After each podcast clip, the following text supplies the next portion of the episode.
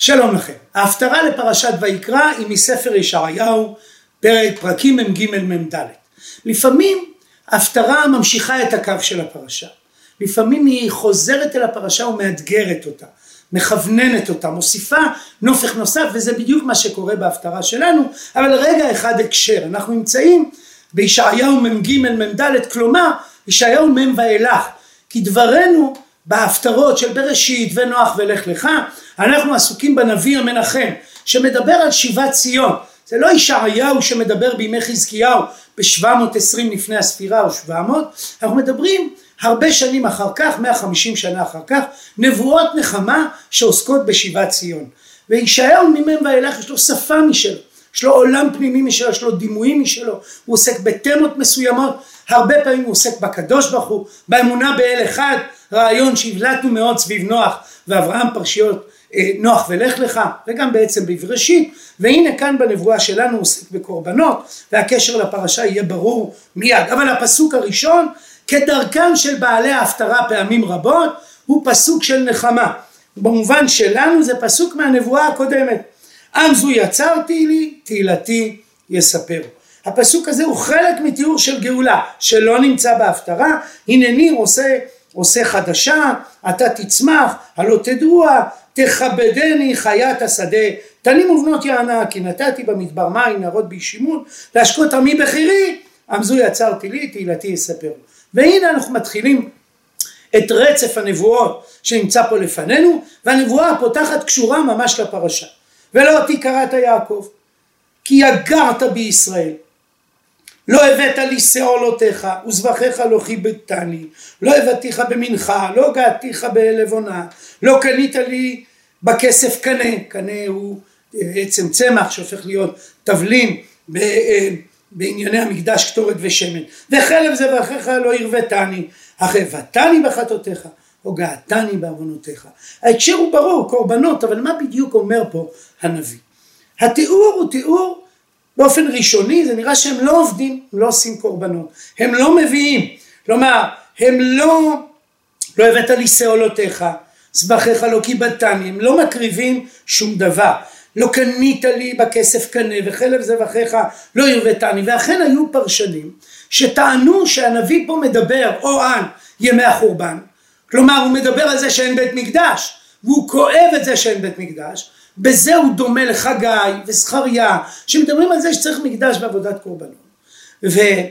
או ימים של מלוכה של מלכים רשעים כמו מנשה כמו המון שבהם לא קיימו את עבודת המקדש. אבל חלק מן הפרשנים ואני נוטה אליהם רואים בזה טענה רטורית חריפה. הבאתם אבל לא הבאתם באמת. הבאתם אבל לא הבאתם לי. שימו לב אם נקרא את זה בהתאמה תיווצר קריאה אחרת כן? לא אותי קראת יעקב כי הגעת בי ישראל. לא הבאת לי שאולותיך הבאת או לא אבל לא הבאת את זה לי זבחיך לא כיבדתני, כיבדת את עצמך ולא אותי. כלומר הטענה היא לא על עצם העניין שהם לא הביאו עולה ושלמים, צמד מוכר בתנ"ך, אלא הם לא עשו את זה מהסיבות הנכונות, מהתכלית הנכונה, הם לא עשו את זה למען השם, אלא למענם. ובמובן הזה הנבואה הזו היא חלק מרצף של נבואות רחב מאוד מאוד, שמופיע במקומות רבים בתנ"ך, שבהם הקדוש ברוך הוא מדבר, שהנבואה מדברת על זה, שמביאים קורבנות אבל עושים את זה בצורה לא נכונה, חוטאים ומקריבים, אה, אה, עושים חטאים ואומרים אבל אנחנו מוגנים כי יש לנו קורבנות, או מביאים קורבנות כי הם חושבים שהקדוש ברוך הוא רעב וזה ירגיע אותו מרעבונו. אז כשאני חוזר רגע לנבואה, אז המשפט האחרון של הפסקה הופך להיות מאוד חריף. כי מה אומר לנו הנביא? בואו נקרא שוב, הוא אומר ככה לא אותי קראת יעקב, כי הגעת בישראל, אתה כאילו התעייפת ממני, או אתה, בשבילך לעבוד אותי זה דבר מייגע, ולכן אתה לא עבדת אותי, לא הבאת לי שאולותיך וכולי, לא, ואז הנביא אומר לא הבאתיך במנחה, ולא הגעתיך בלבונה, אני בכלל לא ביקשתי את זה, ושוב, האם באמת הקדוש ברוך הוא לא ביקש קורבנות? התנ"ך מלא, הפרשה שלנו, פרשת ויקרא, היא פרשה שהוא מבקש עולה וזבח וכולי, אלא הכוונה זה לא בשבילי, אני בכלל לא הייתי צריך את זה, אני בכלל לא ביקשתי את זה, מבחינה רטורית, הוא משתמש פה במילה לעבוד, לא הבאתיך במנחה, לא געתיך בלבונה.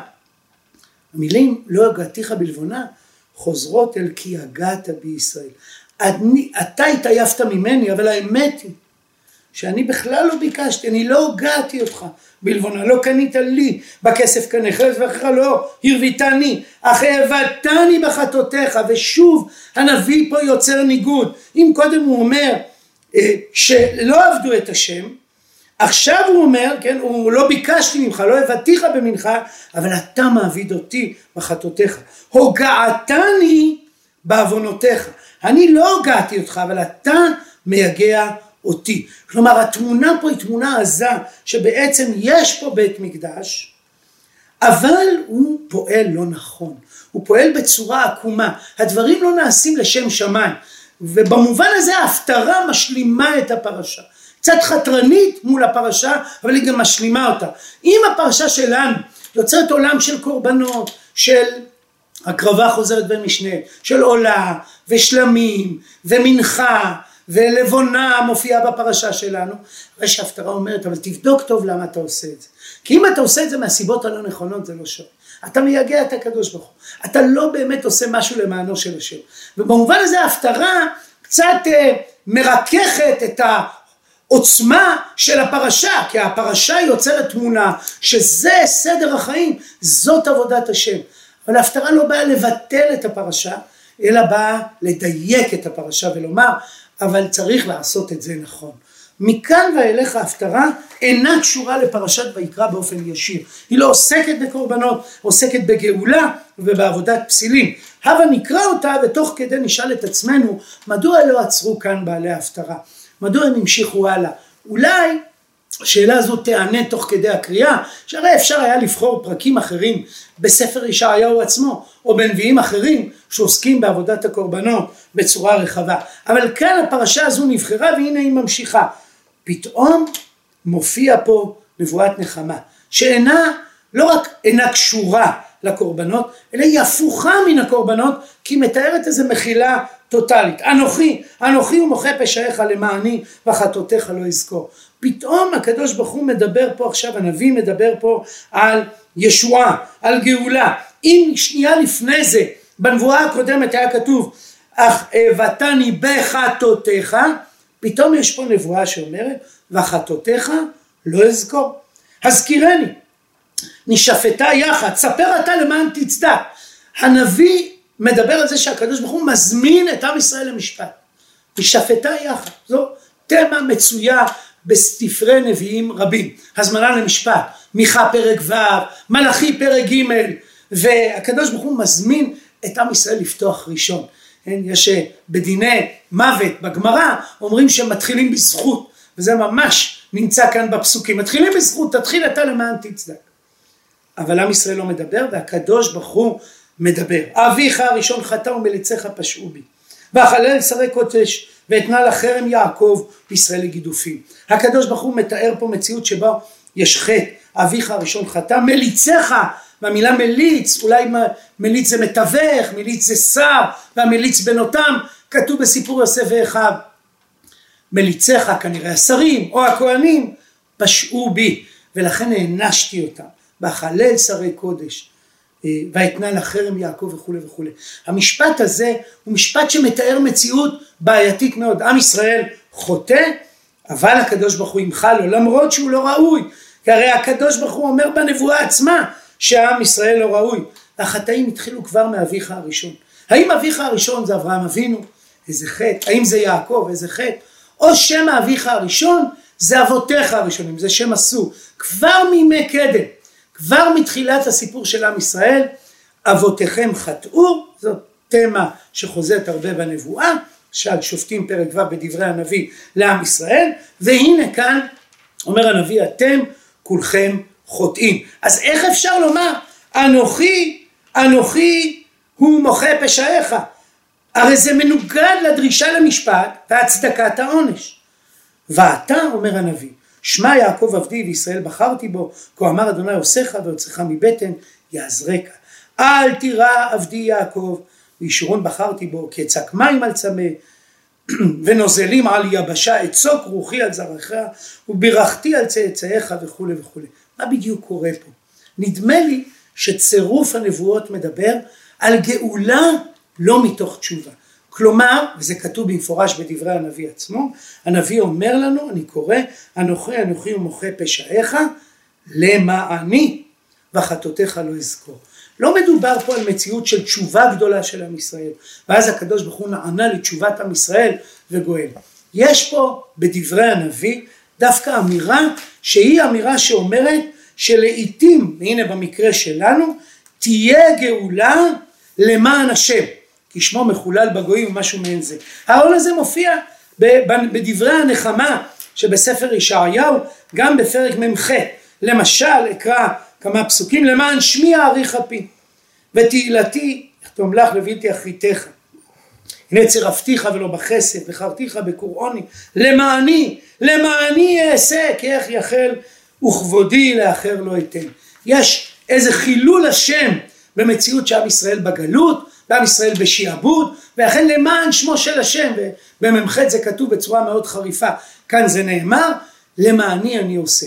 כלומר, הזמנה למשפט לא יצרה תהליך של תשובה, והשם גואל למעני. הרעיון הזה נמצא גם ביחזקאל, ראינו את זה בהפטרה לפרשיות מסוימות, לא למענכם אני עושה כי אם למעני, אלא שביחזקאל זה נאמר בטון תקיף, בטון כועס, בושו לכם מדרככם הרעה, ואילו בדברי הנחמה, בנביא המנחם, הדברים נאמרים באופן ענייני, באופן הייתי אומר ללא הביקורת. הקדוש ברוך הוא יגאל את ישראל. כלומר אל מול הביקורת, אם אני קורא את ההפטרה עכשיו, אז הפתיחה היא פתיחה אה, שיש בה ביקורת מאוד קשה, יש הזמנה למשפט, הזמנה למשפט לא נענית, עם ישראל לא מגיב, אז הקדוש ברוך הוא אומר את דברי הביקורת שלו, אבל מוסיף שתהיה גאולה ונחמה למען שמו של השם, והנה אנחנו ממשיכים, הגאולה תהיה מאוד גדולה, כן? זה יאמר לאדוני אני, יש פה איזה תיאור של גאולה כלל עולמית, זה יקרא בשם יעקב, זה יכתוב ידו לאדוני, תופעה מקובלת במזרח הגדול של קעקועים, יכתוב ידו לאדוני ובשם אדוני יכנה. ונראה שהנבואה מדברת על עמים שונים, כי חלק מהם הצטרפו לעם ישראל, וזה נמצא גם בישעיהו פרק ס"ו. כה אמר אדוני מלך ישראל וגואלו אדוני צבאות אני ראשון אני אחרון ועדיין אלוהים ויש פה איזה בעצם תיאור של גאולה. הקשר הוא קשר ניגודי אבל האמת היא שהוא קשר פנימי. כי מה הייתה הביקורת של הנביא? אתם לא עושים את זה לי, אתם עושים את זה לכם. למה תהיה גאולה? למעני, בשבילי ולא בשבילכם. כלומר במובן מסוים הנבואה שלנו, ההפטרה שלנו אומרת, אתם צריכים לתקן את דרככם, אבל אני אגאל אתכם כי יש ביני וביניכם ברית, ואני רוצה לדאוג לשמי, ולכן אני אגאל אתכם. מוטיב שמצאנו ביחזקאל בצורה נרחבת. אבל אז ההפטרה ממשיכה, היה אפשר לסיים פה והכל היה נהדר. הייתה, היינו מתחילים במשפט נחמה, זוכרים? אה, תהילתי יספר. עוברים לביקורת על הקורבנות כדי לחבר את זה לפרשה. מסיימים בנבואת נחמה, ובא לציון גואל. אבל הנבואה ממשיכה והיא עוסקת בפרק ארוך מאוד שעניינו סאטירה פולמוסית על עבודת פסלים ואלילים. מתאר פה בצורה מאוד לועגת את עשיית הפסלים. הוא אומר כך, מתאר, הוא אומר, והגעתי ואתם עדיי יש אלוהים בלעדיי יוצרי פסל כולם תוהו חמודיהם בל יועילו והוא מתחיל לתאר איך בעצם חותכים את העץ ו- ומנסרים אותו ומדביקים אותו וממסמרים אותו. כל הפעולות מציירים משרטטים על העץ את העניין. והתמונה הזו היא תמונה לעגנית משום שהאדם עושה את האלוהים. אבל היא ממשיכה בצורה יותר חריפה כי פתאום באמצע הנבואה האבי חוזר אחורה בזמן לא אל עשיית הפסל אלא על שתילת העצים. הוא מתאר כך ויקח תרזה ואלון ויאמץ לו. היער נטע אורן וגשם יגדל. הגשם יגדל את האלוהים. יגדל את העץ שממנו ממנו נקים את הפסל. והנביא לא מסתפק בחזרה בזמן בתהליך לאחור אלא גם ממשיך את התהליך קדימה. מה עושים עם כל חלקי העץ? והיה על האדם לבאר. ויקח מהם ויחום אף יסיק ואפה לחם. כמה הוא מזלזל פה בתמונה שלוקחים חתיכת עץ וחצי ממנה נהיה אלוהים חצי ממנה נהיה מה שמדליקים על האח בזמן חורף או מדליקים מדורה כדי לבשל לחם. הנביא יוצר פה סאטירה פולמוסית על עבודת האלילים. הדבר הזה נמצא גם בישעיהו עצמו וגם בנבואות מקבילות אצל נביאים אחרים, כך למשל בירמיהו פרק י' יש נבואה שלמה שלועגת לעבודת הפסילים, הוא מתאר את הגמלוניות של בניית הפסילים אל מול אלוהים בורא שמיים וארץ. אבל מה זה קשור לפרשה? למה לעצור כאן? נדמה לי שבעלי הפטרה, שכבר דיברנו עליהם כאיזה סוג של מדרש, בעלי הפטרה יוצרים הקשר. בפשט זאת נבואה אחרת. בפשט זאת נבואה שעוסקת בבעיה אקוטית בימי ישעיהו, בימי, סליחה, הנביא המנחם, שרוצה לדבר על עבודת אלילים ופסלים. אבל ההפטרה יצרה קישור. היא התחילה בדברי פולחן אה, קורבנות להשם בצורה לא ראויה, היא עברה לדבר על עבודת פסילים בצורה מגונה. היא יוצרת איזשהו קישור, יוצרת איזה חיבור מדרשי, בעצם יוצרת השוואה.